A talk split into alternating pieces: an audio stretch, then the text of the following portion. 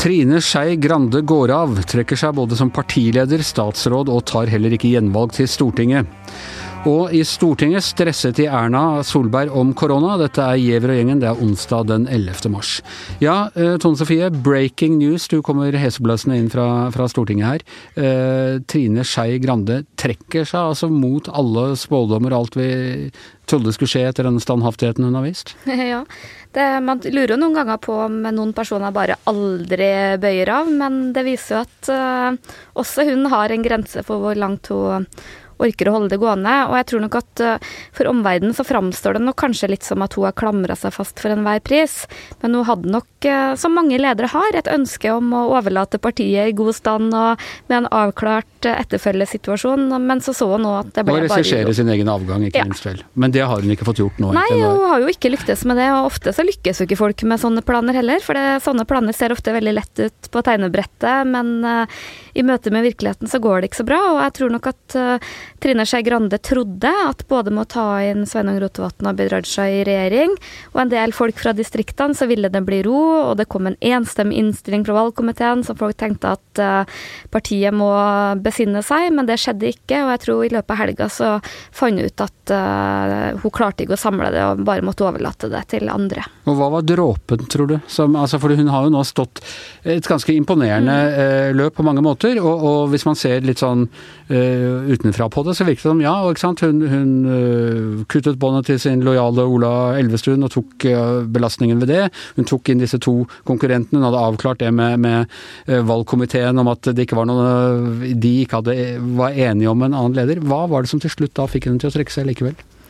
Nei, hun har jo vist før at hun er ikke akkurat uh, lettkrenka, for å si det forsiktig, tåler å stå i, i, veldig mye. Jeg tror kanskje at det er to ting. Det ene er uh, de skarpe reaksjonene fra Oslo, som ikke er entydige, det spriker i alle retninger, men det er hennes grunnfjell, hennes lokallag, ja. som hun er veldig glad i, og som alltid har vært hennes base. Det tror jeg er det ene. Og det andre uh, var den opplevelsen vi hadde før helga, når VG møtte møte den påtroppende partiledelsen med Abid Raja, Sveinung Rotevatn og Trine Skei Grande, så lyste det på en måte lang vei at det der er ikke et team som klarer å, å jobbe godt sammen. De har ikke den tilliten og respekten for hverandre som, som en ledertrio trenger. Og jeg tror faktisk at også hun opplevde det, for alle som var i det rommet, kjente på at uh, her er ikke den kjemien som burde være. Men uh, så trekker hun seg som leder, og da er det vel for så vidt også naturlig i et såpass lite parti at hun også trekker seg som statsråd. Uh, men hvorfor må hun trekke seg fra Stortinget? Kunne hun ikke blitt sittende der? Ja, jeg, jeg, tror vel kanskje at uh, den var den mest åpenbare. For i Oslo Venstre så har det vært en ganske bra ettervekst. Ganske mange flinke folk som uh, banker på døra og vil være med videre. Det åpenbare er jo Ola Elvestuen som uh, henger en tynn tråd, men de har politikere som Guri Melby. de har flere andre, så jeg tror det er trangt om plassen der. Så at hun vil si fra seg den, den tror jeg var åpenbar. Men vil Ola Elvestuen da gjøre comeback her? Har han lykkes i sin Jeg tror ikke han vil lykkes med det. Jeg tror tror hvis partiet skal kjøre fram noen der, så er det nok heller Guri Melby eller uh, noen uh, andre, men nå deles jo kortene fullstendig ut på nytt. Men det som jeg tror overrasker mange, er at hun uh, gir seg som statsråd. Jeg tror mange har trodd at hun har stortrivdes som kulturminister, gledd seg til å gå på som kunnskapsminister, og, og kan liksom sitte der som en sånn syvende mor i huset. Syns du hun har trivdes som både partileder og statsråd og, og stortings... Ja, da tror jeg hun har holdt maska godt, for Venstre er ikke et enkelt parti å styre styret. Og jeg skrev jo litt i den kommentaren min at hadde den partikulturen som er i Venstre, med at enhver person eh, går ut med alle sine frustrasjoner i alle medier, så tror jeg det har vært vanskelig å være politiker. Så jeg tror Venstre er uh, tunge å styre, da. Ja, så tror du det er verre enn å styre Arbeiderpartiet? Nei, men, eh, men det, det, er helt annen partidisiplin. Du hører mye om partilederen og andre i Arbeiderpartiet òg, men uh, de holder det mer Det er en helt annen måte. og Det er jo derfor vi ofte snakker om at Ap også går mer i flokk, og det er på godt og vondt. Og på vondt er det for Venstre med at, at folk er veldig lite disiplinert. Hva skal hun gjøre nå?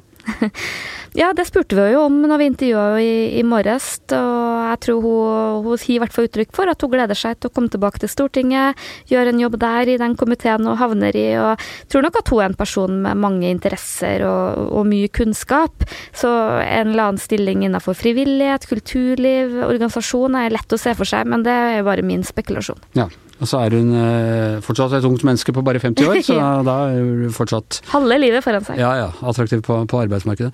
Eh, Hanne Skartveit, hvordan vil du plassere eh, Trine Skei Grande i norsk politikk, historisk sett, og som eh, skikkelse? Hun har jo satt sitt veldig tydelige merke både på Venstre og på norsk politikk. Og hun fikk jo Først så gjenreiste hun Venstre etter at det gikk fryktelig gærent under Lars Bonheims ledelse. Han tapte jo valget, falt ut av Stortinget. Jeg tror det eneste, eneste som var ordentlig overraska over det, var jo Lars Bonheim selv den gangen. Da sto Trine Skei Grande ganske aleine, måtte bygge partiet opp igjen fra scratch.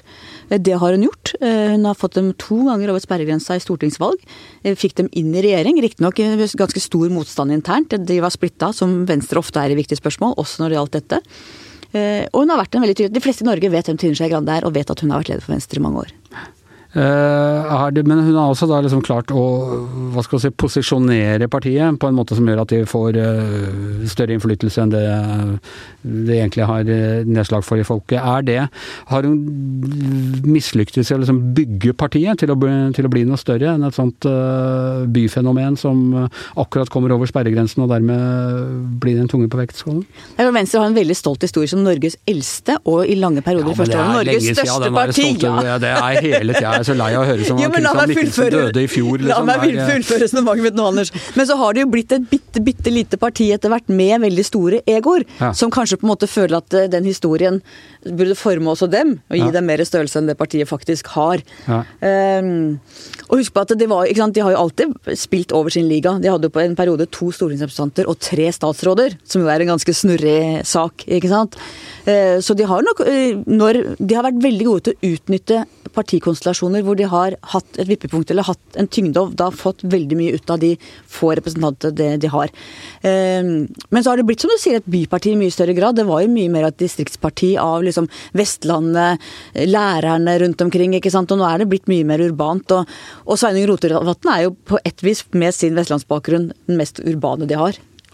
Ja, og altså, de, var, de, har ikke vært et ordentlig stort parti, parti siden 60-tallet eh, på noen som helst måte, så De hadde, har hatt seks statsministre i Norge, alle sammen før 1935. Ja.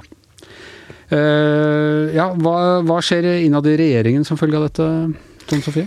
Jo, uh, det som skjer er jo at Iselin Nybø som næringsminister, hun rykker opp og blir eh, leder for eh, regjeringsarbeidet i Venstre, og blir også nummer to etter Erna Solberg i Norge. Det, Den var det ikke mange som så nei, komme, tror jeg. Nei, det var ikke mange som så det.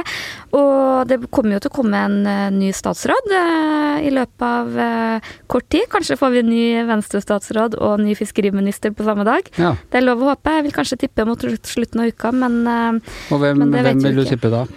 Skal ikke spørre om Nei, Hvis jeg skal tippe, øh, og at det er en ny kunnskapsminister, så ville nok jeg holdt en knapp på Guri Melby, som kan øh, det feltet godt.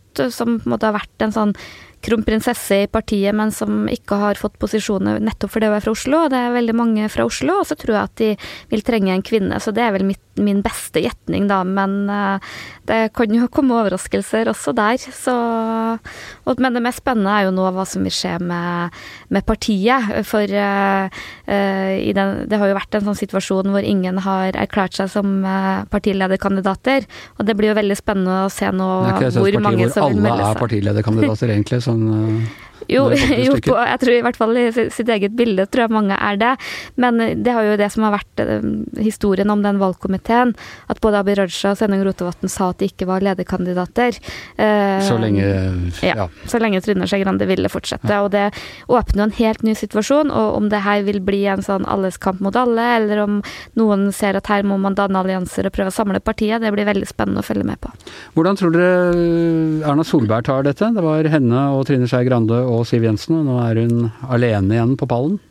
Nei, Dette er tøft for Erna Solberg. Først forsvant eh, Frp ut, og mot også er vi ganske sikre på Siv Jensens egen vilje. Eh, og så forsvinner da Trine Skei Grande ut. Og det var jo disse tre, sammen med Knut Arild Hareide faktisk, som da var KrF-leder, at man bygde det samholdet mellom de fire som først da var en samarbeidsavtale med de to Høyre-Frp-regjering, og som etter hvert ble alle fire partiene inn. Men grunnstammen her var jo Eh, Trine Skei Grande, Siv Jensen og Erna Solberg. Og nå er begge de to andre ute. Og regjeringa gjør det veldig dårlig på meningsmålingene også, sånn at Erna Solberg har ikke noen gode dager nå. Og det spesielle også med de tre damene er jo at de har hatt en veldig høy tillit til hverandre. Hatt en god personlig kjemi og fungert godt sammen eh, på tross av alle odds. Og det tror jeg gjorde det lettere for denne regjeringa å få så ulike partier til å fungere sammen. Jeg tror de har hatt det ganske gøy sammen. Ja, det tror jeg også. Eh, og som ikke det er nok, eh, Astrid. I dag ble eh, Erna Solberg kjørt knallhardt i Stortinget på korona. Du var der. Hvordan, hvordan var det? Ja, det var spørretimen da. Statsministeren kom til Stortinget for å svare på spørsmål fra hele opposisjonen. Jonas Gahr Støre leda an, og han var ganske tydelig i sin kritikk, vil jeg si, mot Erna Solberg. Han pepra med nye spørsmål på rad og rekke. og Bjørnar Moxnes kom og sa at nå er endelig statsministeren her, men eh, det var først nå hun kom på banen. Eh, Trygve Slagsvold Vedum eh, var kritisk, og det ble snakk om at vi mangla beredskap, vi mangla sykehusplasser, intensivbehandling, medisinsk utstyr, og hva var grunnen til det her? Ja, og så Hvordan svarte hun for seg? Svarte jo egentlig ganske godt, men etter hvert så fikk jeg i hvert fall mitt personlige inntrykk var at hun ble mer og mer stressa. Eh, gikk i forsvar. Virka litt irritert eh, på ja, eh, folk som faller henne i ryggen, uten at hun sa det direkte. Men det er mange som er ute og kritiserer Erna Solberg nå. Det er smittevernleger, det er rektorer, det er ordførere som sier at rådene er sprikende, at de ikke vet hva de skal gjøre, at vi trenger en nasjonal tsar, en koronadiktator som eh, leder an, og det Sånn som man har i USA, liksom? Sånn ja. helsesar eller eh, ja, vi har jo Bent Høie, som er helseminister, som har fått veldig utvida fullmakter. Men, men, det er mange lokalt i kommunene som mangler smittevernplaner som de skulle hatt og det er ulik praksis, og det er mange folk flest, sa Sylvi Listhaug. Hun målbar den kritikken fra talerstolen på Stortinget. Vet ikke helt hva hun skal gjøre. Hun snakka om at hun sjøl har fått en koronasmitte i klassen eller barnehagen til en av sine unger, og prøvd å ringe rundt uten å få svar. Det, det er sikkert fordi hun har drevet og oppfordra folk til å håndhilse på hverandre, for det var jo hun så opptatt av her nylig. ja, det er jo en Frp-reklame som går rundt på Facebook mye nå, der eh, det står i Frp hilser vi, håndhilser vi på hverandre, med bilder av Sylvi. Det må dere slutte med i Frp. ja. uh, Hanne, vi snakket jo om Erna Solberg og hvordan hun fremsto som leder i krise her i går. Hva syns du om spørretimen i dag? Nei, Jeg deler Astrids vurdering. Vi satt jo sammen og hørte på dette. Vurderingen at eh, hun er i forsvarsposisjon og syns dette er eh, vanskelig. Det er den store testen Erna Solberg blir eh, satt på. Og flere var jo inne på, også i stortingstalen, at denne regjeringen skulle ha et eget beredskapselement på SMK først, og så har de hatt to beredskapsministre.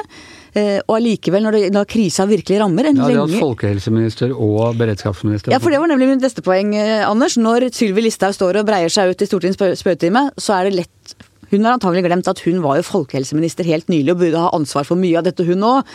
Så det er mange som sparker løs. Hun hadde kontroll da, men nå har hun gått av, så kan ikke hun ha Det er jo bare halvannen måned siden Erda Erna Solberg faktisk eh, kvitta seg med akkurat folkehelseministeren og beredskapsministeren. De har sikkert ikke hatt så mye å gjøre de siste åra. Men endelig... fra Fremskrittspartiet, så ja. det er jo Nå kunne de jo trengtes da, og kunne hatt han og kjørt foran seg i, i koronakrigen. Det er klart Sylvi har jo et poeng med at det kommer jo ikke epidemi så lenge hun var folkehelseminister. Nei, nei, da, man, nei, eh, men, men eh, Visste jo om korona allerede da, det var i slutten av januar. Men man har jo, ja, man har jo visst om eh, hele veien, og, og i sånne beredskapsplaner har pandemi vært Det har ikke vært snakk om om det kommer, men at det kommer. Og det som er utfordringen til Erna Solberg er jo ikke nødvendigvis det de gjør akkurat nå, men at det har vært veldig uklare signaler. F.eks. Jonas Gahr Støre var opptatt av det i dag med sin fortid i Verdens helseorganisasjon. At når det kommer noe sånt, så sier du med en gang nei, du skal ikke håndhilse. Fra nå av håndhilser ikke. Det er ikke et veldig drastisk eh, diktatorisk tiltak. Og at det kom ulike meldinger om hva man skulle ikke skulle gjøre, ulik praksis i kommuner, disse flyene som lander på Torp og i Tromsø. At de kom ganske skeivt ut. Eh, fra begynnelsen av, og det sliter Erna Solberg med nå. Samtidig må jeg si at opposisjonen var jo også veldig opptatt av at dette her står vi sammen, det er en dugnad. Eh, vi støtter opp under det som er nødvendige tiltak. Så at eh, opposisjonen balanserer også veldig på det at de både skal liksom samles og stå sammen mot krisa, samtidig som de har ting de ønsker å kritisere regjeringen for. Før vi avslutter, Astrid. Hva er nytt i dag? Hvor mange millioner nye smittede? Har du noe peiling? Det vokser jo eksponentielt, det her. Så om ja, det går utrolig fort. Jeg tenker at eh, Norge Det har liksom, Jeg tror jeg prøvde å regne i går at det har gått økt med 1,5 eh, hver dag, liksom. Ja, jeg tror Norge er rett bak Italia i løypa. og så Neste uke så kommer vi til å flire av de helsesmitterådene vi har denne uka her, om at det er 500 eh, som skal være maks i forsamlinger. Sånn. I Italia så driver de og løser opp eh, små forsamlinger bare på en håndfull personer med politi. Og mm. ja, det kan godt hende at vi flirer neste uke av det som vi bestemmer denne uka her. Ja. Vi må kanskje gjøre noe her i bedriften også etter hvert, eh, Hanne? Ja, vi ser jo stadig flere bedrifter som eh, nå har hjemmekontor for alle de som ikke er helt vitalt av det på jobben. Og ja. man oppfordres til å holde, hjemme, holde, seg hjemme, ikke ta trikken hvis man kan unngå det, eh, den type ting. sånn at jeg tror at vi vil også merke dette veldig godt. Enn så lenge så sitter vi her i studio i Giæver og gjengen, men vi har jo også en viss trening om å rapportere fra, fra andre steder, for vi får se hvordan dette utvikler seg. Giæver og gjengen er over for i dag. I studio Tone Sofie Aglen. Astrid Mæland, eh, Hanne Skartvedt, Anders Giæver og vår eh, mann foreløpig bak spakene, Magne Antonsen.